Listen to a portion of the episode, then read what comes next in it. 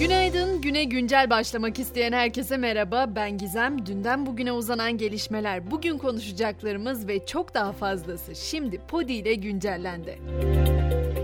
İstanbul Büyükşehir Belediye Başkanı Ekrem İmamoğlu'nun YSK üyelerine hakaret ettiği gerekçesiyle yargılandığı davada karar açıklandı ve İmamoğlu'na 2 yıl 7 ay 15 gün hapis cezasıyla siyasi yasak getiren o karar gündeme bomba gibi düştü. Liderlerden iç ve dış basından gelen açıklamalar ve tepkiler bir yana kararın ardından Borsa İstanbul Endeksi yaklaşık %2 düşüş yaşadı. Birçok hisse senedi devre kesti. Peki bu kararın ardından şimdi süreç hukuki olarak nasıl işleyecek sorusu gündemde. Şöyle anlatmaya çalışayım. Kararın kesinleşmesi için istinaf mahkemesi ve yargıtay süreçlerinin tamamlanması gerekiyor ki bu sürecin 1,5-2 yılı bulabileceği belirtiliyor. Akıllardaki diğer soru bu süreçte neler olabilir? Mahkumiyet kararı kesinleşmediği sürece İmamoğlu herhangi bir seçimde aday olabilir. Tabi kararın açıklandığı saatlerde İstanbul Büyükşehir Belediyesi'nin Saraçhane'deki binası da hareketliydi. İmamoğlu bir çağrı yapmıştı. Karar ne olursa olsun orada buluşalım demişti. İmamoğlu ve İyi Parti lideri Meral Akşener burada toplananlara seslendi. Karara tepki gösterdiler. İmamoğlu'nun çağrısı üzerine Saraçhane'de toplanan kalabalıktan da hükümet istifa sloganları yükseldi. Almanya'daki programını iptal eden CHP lideri Kılıçdaroğlu da yurda döndü. Altı Parti'nin genel başkanı ve Ekrem İmamoğlu bugün saat 16'da yine Saraçhane'de vatandaşlarla buluşacak. Bu konuyu böyle özetlemiş olalım ama yargı koridorlarındaki gezintimiz biraz daha sürecek. 6 yaşındaki çocuğa cinsel istismar davası kapsamında adı geçen baba ve eski eş hakkında tutuklanmaları talebiyle yakalama kararı çıkarıldı. Kararın ardından o eski eş Pendik'te gözaltına alındı. Baba ile ilgili arama çalışmaları da sürüyor. İlk duruşmanın 30 Ocak'ta görüleceği bilgisini de tekrar hatırlatayım. Bir de toplumun her kesiminden tepki çeken bir teklif vardı. O teklifte de geri adım atıldı. Zeytin alanlarında maden faaliyetine izin veren düzenleme enerji torba kanun teklifinden çıkarıldı.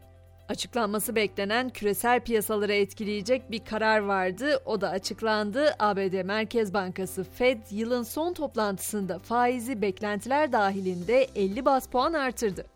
Ard arda 7. kez faiz artıran Fed, politika faizini %4,25 ila 4,5 aralığına çıkardı. Böylece Fed, politika faizini 2007'den bu yana en yüksek aralığa yükseltmiş oldu. Şimdi biraz yüzümüzü gökyüzüne çevirelim, savunma sanayindeki gelişmelerden söz edelim. Türkiye'nin ilk jet motorlu insansız savaş uçağı Kızıl Elma ilk uçuşunu başarıyla gerçekleştirdi. Kızıl Elma kısa pistli gemilerden kalkış ve iniş kabiliyetine sahip olacak. Öte yandan gövde içinde taşıyacağı mühimmatlarıyla belirlenen hedeflere taarruz gerçekleştirebilecek.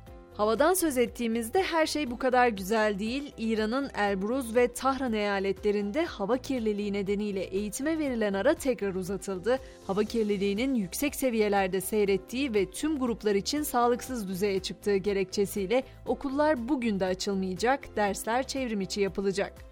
Sağlıktansa güzel haber var. Covid-19'a yönelik mRNA aşısının başarısından yola çıkan ABD'li biyoteknoloji şirketi Moderna, aşı teknolojisini kansere karşı çevirdiğinde de başarılı sonuçlar elde ettiğini duyurdu. Moderna geliştirdiği kanser aşısının sonuçlarını paylaştı.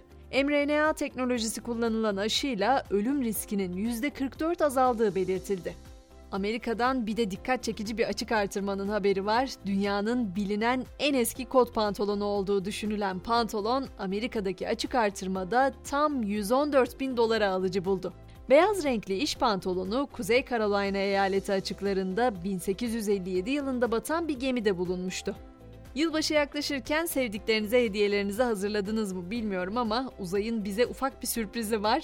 Yılbaşı asteroidi olarak adlandırılan 12 metre genişliğindeki bir gök cismi dünyaya doğru yola çıktı. Dünyaya en yakın yaklaşımını 680 bin kilometre ile yapacak bu asteroid, merak etmeyin dünyaya bir zararı olmayacağı belirtiliyor.